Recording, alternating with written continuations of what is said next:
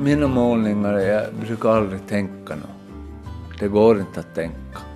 Och jag vet du, jag kör jättehårt när jag kör.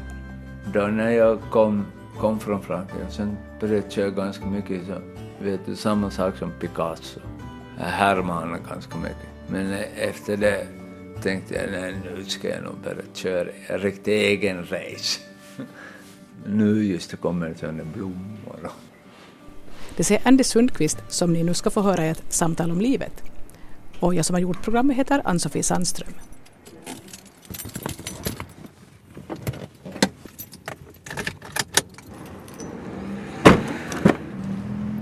Jag hade stämt träff med Andy i Jakobstad i slutet av juli, en dag då det var riktigt varmt. Hans tavlor hade varit utställda på ett café hela månaden Vi ville passa på att träffa honom för att spela in ett samtal om livet innan tavlorna plockades ner. Hurra! Jag parkerar bakom hörnet. Kaffepannu är varm. Ska du på konst nu först? Absolut. Ja. Visst är det samma? Visst är det, visst är det tavlan hängde vid, i vid Tullman? Ja, ja, nu var det där ganska... Ja, för jag minns att det... Två, två gånger. Jag minns att jag spanade på dem Två. och att det var som... Jag har känt till Andy, eller Anders som han egentligen heter, fast alla kallar honom Andy, sen 80-talet då han var dansare i rockgruppen Ragnar Hare. Det pratades om att han hade varit med om en olycka som barn och att han hade fått sådana skador att han hade svårt att prata. Och på den tiden var det faktiskt ibland inte så lätt att förstå vad han försökte säga. Jag började liksom bli glömt så det är nästan illamående av varmt. Idag var det skönt på morgonen men Ja, håller det på ja, ja, han säger att det blir ännu varmare nästa Ja. För några år sedan noterade jag att Andy Sundqvist hade börjat ägna sig åt konst. Och i våras när jag var på en av hans utställningar kom vi överens om att vi skulle spela in ett radioprogram. Är det här det här nyast? Nyaste. Ja. Så vad heter till exempel den här? Den här? Damer och rock'n'roll heter den. Ja men det ser man ju. Man ser ju en Ja, gitarr. det är man som ser lite... eh, gitarrer och sen är det som kvi- kvinnor där på Ja sidan. faktiskt det du säger. Och den här heter alltså, det här är nummer tre. Hemliga kvinnan tycker jag. Ja, hemliga kvinnor. Ser du, jag vill inte att det ska synas riktigt men ser du. Ja, ser du bara. Ja, Silhuetten av en kvinna. Ja, ja det är så Okej. hemligt. Det är ju fruktansvärt glada de här liksom, Ja, färgerna ja. sådär att man blir på bra humör av att se på dem. Jag har börjat göra mycket med som är första målet. Och sen efter det börjar jag använda händer, vet det blir kraftigare. Okej, så du målar först Ja. och sen så börjar du... Ja, eller det blir mycket arbete först till en målning. Var har du lärt dig allt det här då? Har du bara... Det kommer Har det bara. på? Ja, Det kommer bara. Det är lite kul. Och den här vet du, det här är, det här är sjuan. Mannen. Vänta nu. Ja, man. Här är man. Ser du? Ögonen. Okej, nu ser jag. Det är Nu ser jag. Man, Nu ser man jag. ska se Ja. länge på dem. Ja. Ofta ser man vad du har menat efter en stund när man har tittat på dem. Ja, ja. Man måste se på dem ganska länge, inte bara sån där Nej. snabb och grej. Eh, Jag har bort en här. Speciellt ansikte, vad finns den? Och kvinnan som brinner. Speciellt ansikte är sålt. Jag måste byta, jag lagar en Okej. annan. Ja, nu ser jag att du har bytt ut fyra. Ja. Ja. Det är ju kul att du får sålt. ja, det känns jätteskönt. Vi skulle kunna sätta oss här. Ja.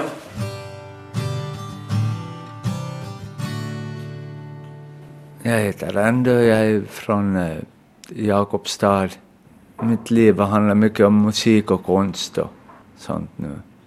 Jag, har varit, kanske känner ni igen det här rockbandet Ragnar Hare. Det, det bandet var jag med i också. På 80-talet. Och 80-talet, det var... Ja, 80 började de Eftersom Andy var med i Ragnar Hare på 80-talet så frågar jag i vilken ålder han är. jag tror jag vågar säga det. Ja, jag tror det vågar säga. 48, är nästan 50. Jag ber Andy Sundqvist berätta hurdan han var när han var liten. Jag var en sn- snäll pojke var jag först eh, från början. Men eh, efter eh, 20 års ålder, då blev jag under en bil. Och då får allt, eh, hela mitt liv blev helt ny. Hela, eh, nu får det helt kaputt. Men så du var, du var sju år och blev påkörd av en bil? Ja. Nej, men jag inte kommer jag alls ihåg någonting av den där olyckan. Ja. Det for, allt, allt från min barndom.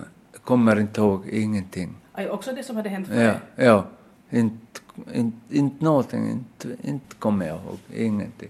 Så från vad minns du från när du sen efter? Sen eh, efteråt, när jag, ja, kanske 10-11 år, då började jag.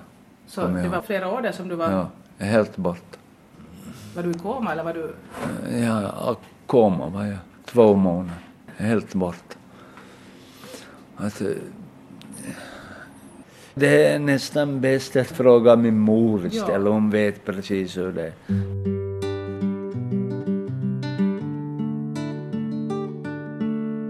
Eftersom Andy Sundqvist inte själv minns någonting av olyckan så sökte jag faktiskt upp hans mor och bad henne berätta om omständigheterna kring det som hände när Andy var sju år gammal. Ska jag börja tvärt? Ja, vi börjat väl? Ja. ja. Nå, jag heter Berit Sundqvist och, och det här är Andys mamma. Nå, berätta hur tillvaron var i er familj före den här olyckan. Vi hade ju en dotter som, som var 12 år och, och Anders som var 7 år. Och han, han skulle börja i skolan, eller han hade börjat i skolan två veckor före. Och vilket år var det här? Och det var på 1973. Hurdan var Andy på den tiden före olyckan? Han var ett solskensbarn ända från början. Otroligt snäll. Och, och min mamma sa hon att, att han är för, för god för att vara sann. Han var alltid på gott humör. Så det här, vi hade, vi hade, faktiskt, han, han var nog en ovanlig, ovanlig pojke. Han var ju en sån här som lekte med, med bilar, små bilar. Han kunde hålla på med det i timmatal och, och rada upp dem på soffan och, och körde med de där bilarna sina. Och, och, och så hade han ju kompisar som han lekt med. Vi bodde i ett radhusområde då också i Kyrkostrand. Och, och han hade, hade ju då sina kamrater som lekte. Och, och så älskade han ju att cykla.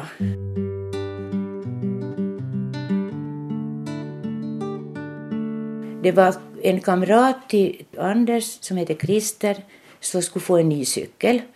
Och så kom han in rusande ande och sa vi får fara med till stan för vi ska, vi ska fara och hämta Christers nya cykel. Och så var det pappan som tog med fyra pojkar och de for in till stan då och skulle hämta den där cykeln. Men så fick inte han rum för den där cykeln i bilen, den där pappan, så en av pojkarna cyklade hem, han som var äldst. Och så kom Andi inrusande när de stannade hemma med bilen och sa Christer har fått en likadan cykel som mig, en gul. Och så tog han sin cykel och for emot. Och Andi hade aldrig varit ut på stora vägen, alltså den här Vasavägen. Den här som alltså går från, Från- Pedersöre kyrka Ja. mot, ja, Ja, mot söderut. Ja, Ja. ja. Han hade aldrig varit ut på den vägen förut, för han var ju varnad att han får inte fara dit. Han fick bara vara på de små vägarna. Ja, där. de små vägarna där runt oss. För han, som jag sa, han älskar ju att cykla, så han var ju mycket ute och cyklade runt omkring. Så det här, och så cyklade han upp på stora vägen och så kom den där pojken emot från stan och så svängde han över. Han var ju överlycklig över det där att, han, att den här kamraten fick en cykel.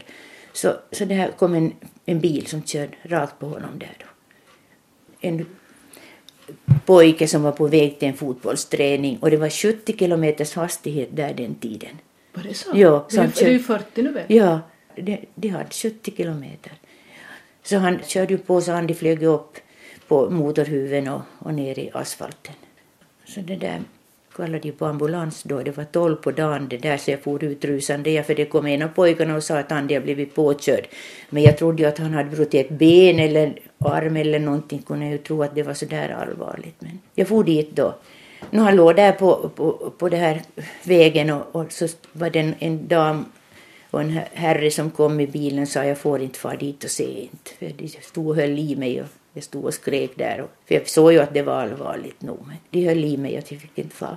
Men jag for då sen med, med det här ett, ett par då som körde mig till Malmska sjukhuset och så var det någon som ringde åt, åt Ralf då att, att vi har fått fara med Andi till, till det här Malmska.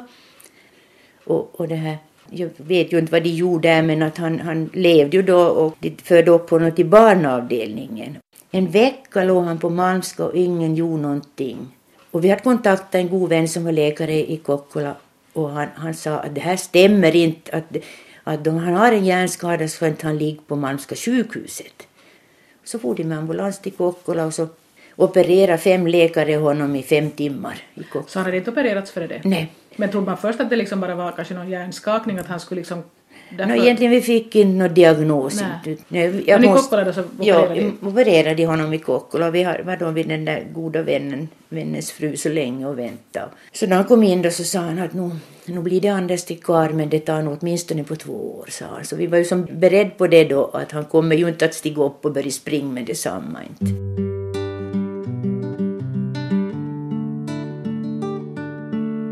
Och så efter det då så var han en månad i Kokkola och, och så blev han flyttad till barnkliniken till Helsingfors.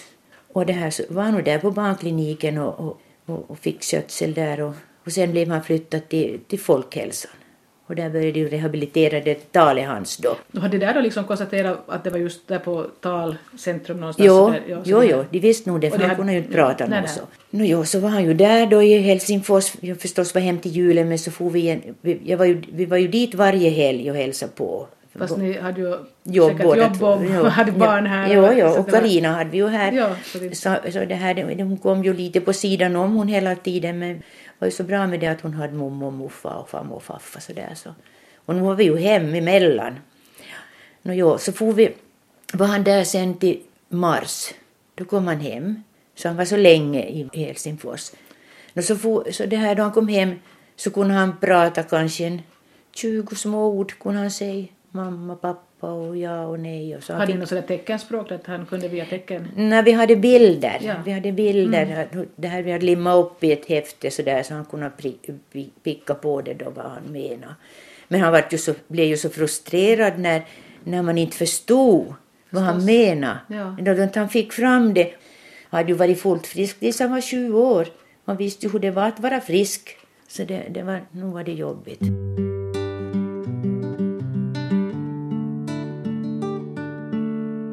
Jag kommer bara ihåg det att jag, där jag fick eh, gå till skolan då efter. Det blev 20, 20 år sedan blev jag överkörd. På vintern fick jag gå och hälsa på klasskompisarna. Vet du, jag fick bara gå två timmar varje dag. Inte orka fröken någonting Nej. Jag började bråka eller hitta på, på allting och det här. Jag kommer bara ihåg, det var en, en flicka som gick i min klass i skolan. Hon sa det åt mig för kanske i, vintras så sa hon åt mig att jag vet, vi var nog så rädda vi, vet du, på sommaren för att vi hade kjol. Du lyfte upp vår kjol hela tiden. Gjorde du det? Minns du någonting av det? Nej, inte kommer jag ihåg det. Men du fortsatte då gå i vanlig skola sen I så alla, småningom? i alla jag böt en hjälpskola. Men inte, jag tyckte inte om den här hjälpskolan. Och då började han ju i skolan, i Kyrkostrand. Så började han då med två timmar om dagen. Men han var ju så aggressiv så, så de orkade ju inte med honom, lärarinnorna där inne. Men det fanns inte några sådana assistenter och sånt på den Nej, men det skulle ju ha varit, för, för då, då var han där ett år, eller det, det där första året då, så blev han flyttad till hjälpskola. För det, de orkade inte med honom. Och, och där och så, han var ju emot det förstås, så han uttryckte sig på det viset att han blev, han blev ju en bråkig elev där, inte frågan om något annat, det blev han ju. Nå, så, så var han där då, som, det blev då att han gick ända upp till sjätte klassen, gick han i hjälpskolan. Men då hade han ju kamrater som han där var med annars, som gick i Rådmans skola. Och de började trycka på de där kamraterna att han ska ju gå i vanlig skola, han ska ju gå med oss i skolan. För de såg ju, de såg ju det också att han mådde inte bra. Så då det här började for jag med honom till Vasa, till Peffan och så var det en som testade honom där. En kvinna, jag kommer inte ihåg vad hon hette. Och så sa hon, nej han är på fel ställe, sa hon. Att intelligens, det var inte något fel på. Och så blev det till slut så att Andy fick gå åttan och nian i helt vanlig grundskola. Och det gick rätt så bra. Inte var det ju så, han omskrev mycket för han hittade ju inte orden. Det är ju det som har varit problemet, att han det Så han fick liksom afasi av det här? Ja, han fick afasi av den där skadan. Ja. Har du något minne själv av hur du kändes? Att var det liksom, kändes det att ditt liv var på något vis konstigt på den tiden? Eller tyckte du bara att... Var, Nej, nej, jag, nej, jag var ganska vild var jag då, då just det. Eller jag brukar ha sådana idéer. Vet. Vilka idéer hade du då när du var i tonåren? Vad, vad var det för... Vad var det du höll på med då? Var det musik då redan och så? du. Ja, det var nog musik hela tiden. Spelar du eller? Väl lite med synten, eller jag har lite svårt med högerhanden. Så att det Ja, blev ja, skadat av det? skadad, eller förlamad på hela högra sidan. Nej, men inte. Men vad gjorde du sen när du slutade skolan? Då började du fundera på att du skulle... Ja, eller det här efter nian och då jobbade jag på dagis ett år på sådana här kyrkosandsdagar. Sen, och sen efter det började jag studera i Närpes. Det var någon sån där dagisvård, sån utbildning blev jag senare. Sen jobbade jag några år med dagisbarnen, kanske 20 eller 8 år. Alla barnen hoppade på mig hela tiden. Det var 20 barn som var på mig varje dag. Det var jätteroligt. Va?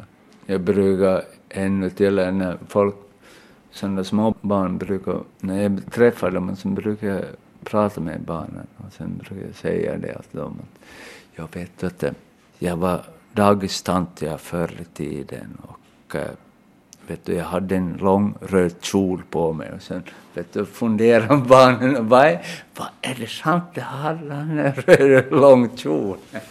Eller jag brukar skämta med Sen eh, blir de jätteglada också, barnen, när jag säger- så.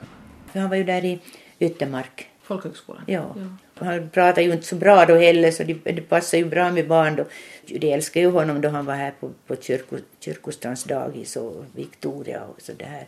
Och det säger de där lärarinnorna och som har arbetat med honom att han var ju otrolig med de här barnen. Och, och här är ju ännu med sina egna barn har ju varit duktig. Så det var ju bra att han hittade det.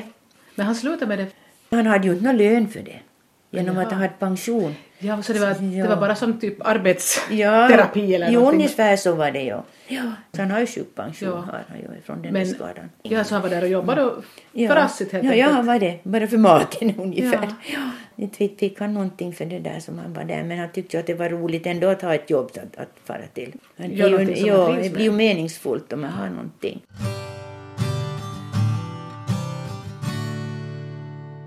Du jobbade på dagis och sen, vad hände sen? Sen uh, for jag till Oskarshamn. Ett år bodde jag. Vad drog dig dit? Det var en sån musikskola.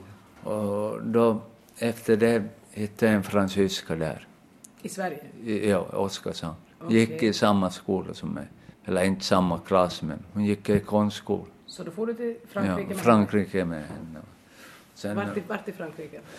Sett hette det, det är fast i Montpellier. Där. Vad talar ni på för språk? Nej, jag pratade svenska med henne, för det var det lite hon jobb. kunde svenska, Ja, ja. hon, hon bodde i Sverige nästan 20 år för det var ganska jobbigt när man bodde i Frankrike. Vet du. Och sen pratade hon och jag bara svenska hela tiden. Så jag kunde inte riktigt lära mig franska. Så du kom därifrån? Ja, ja eller det blev problem med fransyska. Sen, jag fick inte upp ett tillstånd då, då just, vet du. Jag måste gå före- tre... före EU. Ja, ja, Ja. före Ja, EU. ja. Att eh, tre månader i Frankrike och en månad i Finland, och så där var det. Det var ganska jobbigt. Bara. Men var det här före eller efter här Ragnar Hare-perioden? Nej, det var efter Ragnar.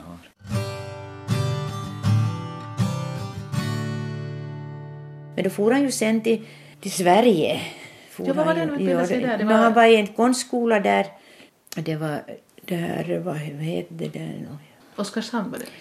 Ja, där var han, men han var, först var han i en annan konstskola en kort tid. Och det var utanför Så då hade konst börjat liksom Ja, det började ja. nog då den. Ja. Och, och det här. Men så for han till Oskarshamn. Och så träffade han ju en fransyska där. Jo, det berättade Ja. att han får till, Ja. att han till Frankrike. Ja, till. Ja. Och det var nog där riktigt som det kom det där intresset för konsten. För de här konst, konstnärerna där så de hade ju de här klassiska färgerna och sådär. Men det här var då på 80-90-talet? eller? Mm, Det var på 80. Just det, ja. Ja, 80. Ja, det var i slutet av 80, början på 90 som han for dit. Och han, han det här, då han kom från Frankrike, då, han var ju på dåligt humör nu då han kom hem därifrån. Och, så då hade jag köpt, köpt en sån här låda med färger och papper. Och så började han sitta och rita där hem nu. Så han började, bodde med oss då när han kom hem. Det där var nog säkert början till att han började som mål. Han ritade ju gubbar då bara ungefär och så svartvitt var ju allting och det var dystert men Det är inte som nu när det är färger. nej, nu är det nog färger Ja, minsann. det är häftigt. Ja, ja.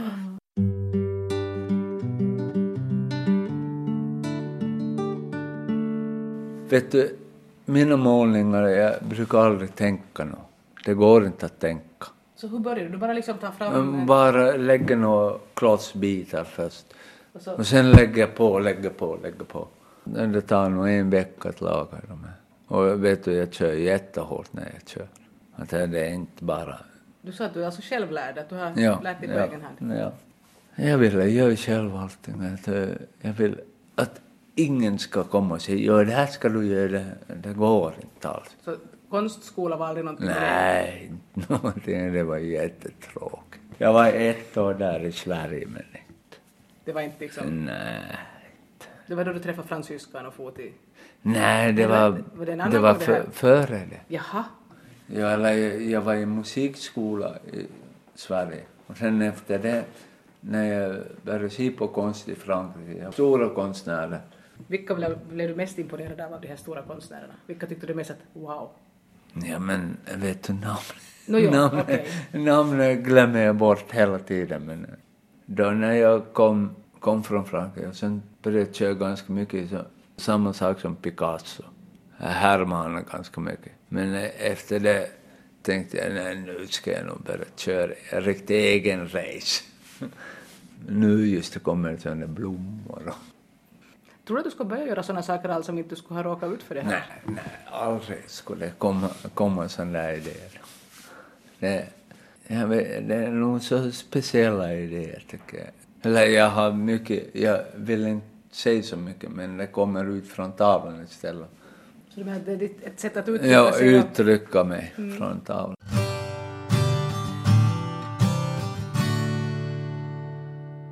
Många av oss som var någorlunda unga på 80-talet, så vi minns Andy som dansaren i rockbandet Ragnar Hare. Vet du, vi var som ett eh, gäng eh, av mina kompisar som vi skulle bara börja, eller de ena började spela, de ena började spela och sen fick de en idé då att, att eh, Andy skulle vara perfekt att vara dansare till det här. Vi spelade som punk från början. Och det här och, och sen tänkte jag ställa nog upp där gärna. Och det blev så att jag kom med och, eller förstås att jag hade där lite svårigheter med högra handen, att jag kunde inte själv spela riktigt. Det var nog en rolig period, men eh, det var nog från det som eh, det här, mitt drickas började, när jag var i Ragnar. Och sen det blev mycket drickas och allting. Och sen, efter det, när jag for till Frankrike, och du vet i Frankrike dricker de varje dag. Och jag gjorde varje dag. Och vet du, när jag kom tillbaka till Finland, sen inte dricker man likadant som i Frankrike då heller. Det blev bara att supas då, hela tiden. Och sen tänkte jag det att, eh, eller jag började krampa jättemycket för det här alkohol. Och sen tänkte jag att nu måste jag sluta. Och vet du, och sen, det var för 23 år sedan. Och sen tänkte, Slutade du- slutade du sen rakt av? ja, helt slut, Nej, helt av. Men ja, en gång. En månad var jag nykter och sen började jag igen. Och sen eh, var jag en månad körde jag igen. Och sen tänkte jag då, nu måste jag sluta helt och hållet. Nu har jag varit nykter i 23 år. Men var det så att det skador du fick när du blev påkörd, måste du äta någon medicin för det som sen kanske också inverkar Ja, eller- på alkohol eller? Nej, men eh, jag åt medicinen tills jag blev eh, 14 år gammal kanske och efter det åt inte jag någonting. Och sen eh, det här efter det, när jag fick eh, kramp, sen började läkaren ta kontakt med mig eller jag måste gå dit och sen tyckte hon det att jag skulle börja äta mediciner igen. Vet du, sen började jag äta Skulle det vara emot som någon Ja. epilepsi? Ja, ja, eller? ja. Sen eh, började jag äta mediciner, men jag började må så dåligt av det jag, jag tänkte nu jag ska sluta med den här medicinen. Och nu, jag äter inte någon medicin. Och du mår bättre? Jag mår mycket Ja. bättre. Ja, Ja.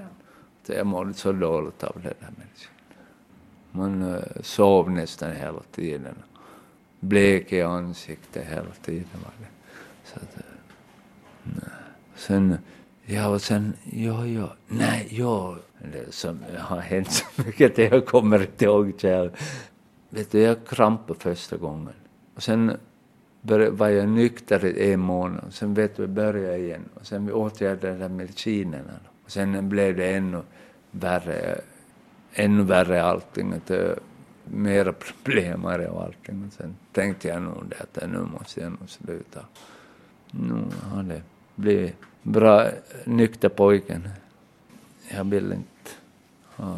Eller jag vet precis hur det blir om jag tar en till, börjar dricka lite och sen sitter jag fast då. Mm. Jag vill inte göra det.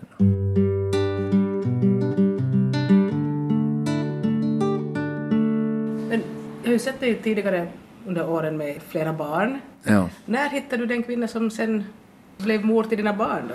När hände det? Vilket, vilket skede av ditt liv? Jag vet inte, hon kom bara och hälsade på, på mig och sen... Hur många barn fick du då? Tror du jag kommer ihåg? Nej, men, ja. Nej, sex stycken. Familjen bodde länge i Kåvjoki som är en del av Nykarleby jag brukar ibland se Andy i matbutiken och han hade ofta ett antal barn med sig. Kåvjoki var ett jättehärligt ställe annars att bo på. Var det bara att ni råkade liksom slå er ner där eller var det... Inte visste jag alls var Kåvjoki fanns förr i tiden. Vet du, när vi var, vi var och såg på något hus och jag tänkte ja. lite utanför Jakobstad någonstans mm. där. Tänkte jag. Sen så jag och Kåvike står där och hus till salu. Jag ringde åt mina föräldrar och sa var finns? Och sen berättade de om Oravaisen någonstans ditåt ska du köra. Och sen det här håller jag på och kört till Oravais helt fel.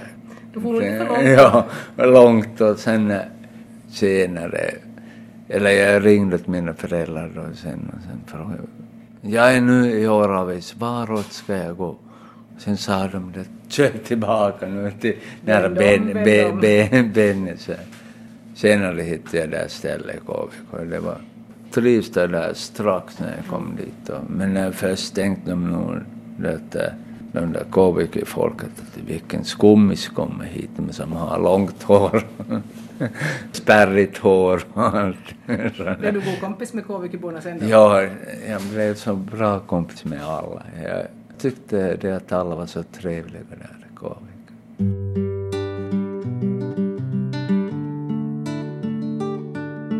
Andy är numera frånskild men eh, exfrun bor kvar i Kovjoki. Hur är det med barnen? Jag menar, flera av dem är väl redan ganska vuxna? Tre stycken bor med mig. De där äldre. Eller Amanda har flyttat till en lägenhet. Hon bor med sin pojkvän. Hon är 17 år. Och det här eh, Tekla bor med mig och Felix går i militären nu men han bor annars med mig. Men eh, de små flickorna, på sommaren är de varannan vecka till mig. Och det här annars när de går i skolan och sen kommer de på helgen och hälsar på mig. Men det, det känns nog lite jobbigt när de är borta, de där små. Hur länge har du varit skild? Fem år. Ja. Så de var inte så himla gamla, nej, de här minsta? Nej, eller hon var tre år mm. gammal. Eller nästan fyra. Var det jobbig skilsmässa? Nu var det tungt.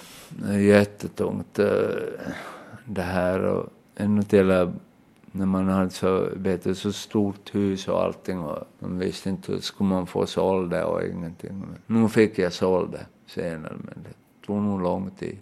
En tid efter skilsmässan bodde Andy kvar i Kåvjoki, bara 150 meter från där var exfrun bodde. Lite tungt var det, 150 meter från mig vet du. Det var inte så rolig sak det här. Ja, nej men det var nog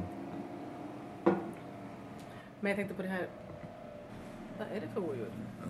Glassbia. Ja. Vet du vem har ljudet här? Det är den där stora bilen. Som har vad? Som har något ljud nu. Alltså, ja, är han den? Ja, ja, no, ja, ja. Den. Hur var det då när Andy Sundqvist bodde i Kåvöke och alla barnen var små? Han hade alls ägnat sig åt sin konst på den tiden? Nej, det var, blev nog mindre, mindre jobb då. Inte, ibland bara.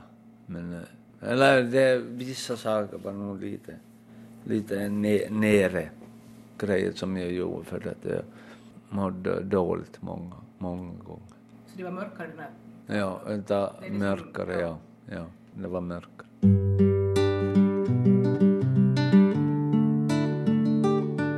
Andy bestämde sig till slut för att flytta till Jakobstad. Var det bara att du kom på att du måste bort därifrån? Eller? Ja, eller jag, jag kände på det att jag måste komma bort. Komma till mina rötter tillbaka. Och sen känner jag mycket folk här i Jakobstad också. När jag började flytta, det är klart att det var jobbigt att lämna de där barnen. Och, vet du, tre stycken som skulle lämna Kåvika. Men, eller först tänkte jag mycket, hur ska det gå allting så här. Sen blev det som ett eh, nytt liv. Att, eh, när jag fick det här ateljén, en månad efter hittade jag en ateljé åt mig. Från det blev det nog som jag blev nog så nöjd på allting. Allting kom ut, bort, få bort allting problem. Det har blivit mycket, mycket börjar hända mycket mer nu med den konsten och allting efter det att jag har flyttat hit till Jakobstad tycker jag. Och du har en Ja. egen studio? Ja, jag är egen Det hade studio. du kanske inte när du bodde i Kåvik? Nej, garage, garage hade jag varit. Där var Så du är liksom med andra ord hårt på gång med det här nu? Ja, liksom, det, det är mycket på gång.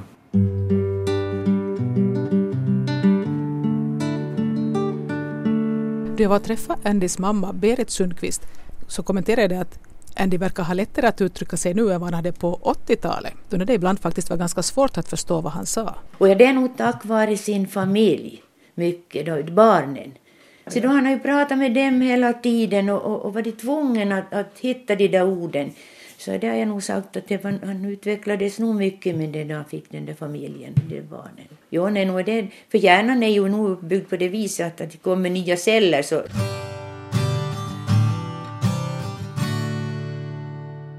här är ett samtal om livet med konstnären Andy Sundqvist i Jakobstad.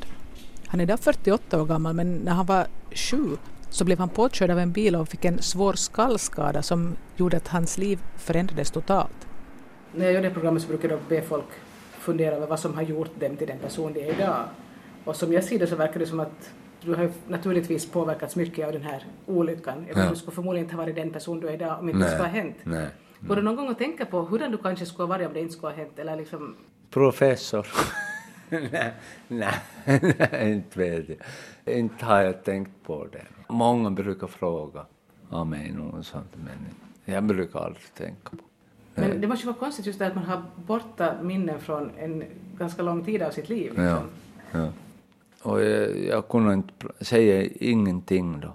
Just. det. Jag hade, fick sån där afasi. Ja, det var som jag skulle ha fått ett barn på nytt. Ja. Det var det, för han skulle börja allt från början. Han skulle lära sig äta, han skulle lära sig klä på sig. Och han var ju, han hade som inte något stopp heller för, för, för ätandet. Så han- det här, vi fick sätta hake på köksdörren dit högt upp för att inte han skulle gå i, i frysen och äta upp allt vad vi hade där. Det fanns inte, inte något stopp.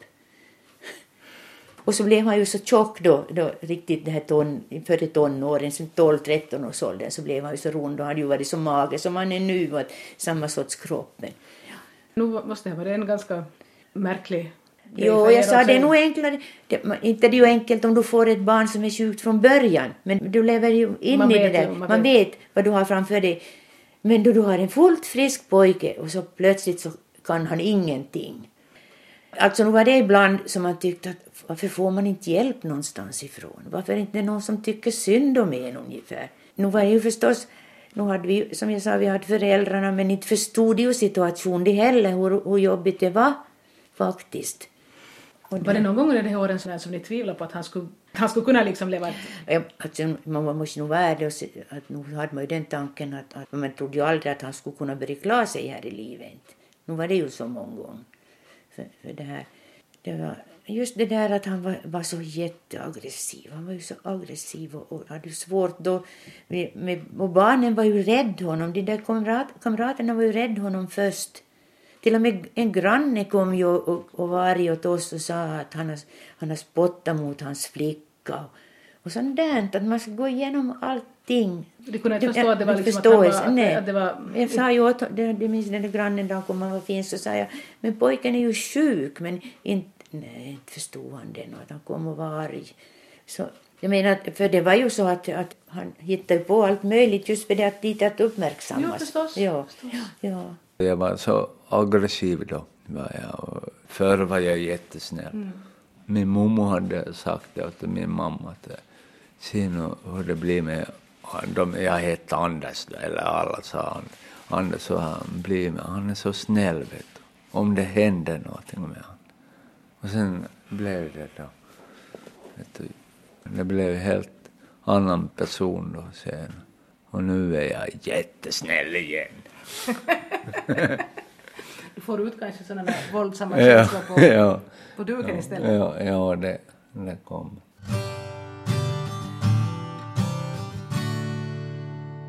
Andy Sundqvist är nu frånskild från en kvinna som är mor till hans sex barn.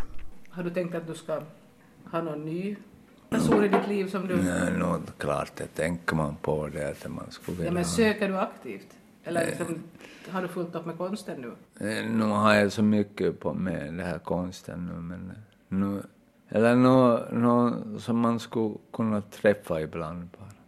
Nej, eller jag vet, jag måste se. Men du går inte, är det något som du går och funderar på att du känner dig hemskt ensam när du inte har någon eller? Nej. Ibland känns jag, måste ta den här, ja. Den här ser bra ut. Nej, men inte. Det verkar ju också som om Andy gärna skulle ägna en stor del av sin energi åt sin konst just nu. Och då hinner man ju inte kanske alltid med så hemskt mycket familjeliv. Och familj har han ju i alla fall, han har ju sina barn. De går i skolan, de där små barnen, och sen då kan jag börja jobba riktigt igen. Men nu på sommartid blir det lite mer paus. Och det är bra det att jag tar paus en stund, att jag får nya idéer. Du berättade att du hade jobbat på dagis, så var, det, var du duktig på att ta hand om barn? du liksom Ja, ja, ja, jag, jag älskar barn. Barn är jätteroliga att jobba med. Men jag skulle vilja gärna jobba igen med barn. Men, men den där... Då, jag håller på med den där konsten att det, jag kör så hårt när jag kör. Att det, det går inte. Är du nöjd med det liv du har idag? Jag tror nog det, ja. Att eh, det här... eh, Nej, men nu tror jag det att det är ganska bra. Att Folk börjar hälsa åt mig hela tiden, inte vet jag. Kanske kändis, kändis kanske har jag blivit. Kändis i Jeppis. Ja. Men nu, alltså, som sagt, vi som är ungefär 50 plus, åtminstone Ja. alla mina kompisar nog minns det ju, Ragnar Haren Ja. minns det ju liksom Ja. att du var Ja. dansare där. Ja. På det sättet en ganska, men för, i olika sammanhang så såg man ju, Ja. det var ju några år som Bernie Ja. var ganska känd. Ja, ja, det var 80-talet. Ja, mitten av 80-talet där. O- 80, 90. Ja. Och jag menar, nu har du ju dina tavlor hängt så folk har kunnat se dem och folk har, så du, de vet vem du är. Ja, Så det verkar ha varit bra för dig att komma hit tillbaka till Alvesta. ja, ja det, jag tror nog det. Jag frågar till slut ännu Andy Sundqvist ifall det är någonting han skulle vilja tillägga. Jag vill ha damer. Du vill ha damer? Kanske någon hör av sig. Ja. Och så ska, Eh, telefonnummer. det får du säkert reda på. Det får du säkert reda på. Du har hört ett samtal om livet med den självlärda konstnären Andy Sundqvist i Jakobstad. Medverkade gjorde också Andys mamma Berit Sundqvist. Jag som har gjort programmet heter Ann-Sofie Sandström.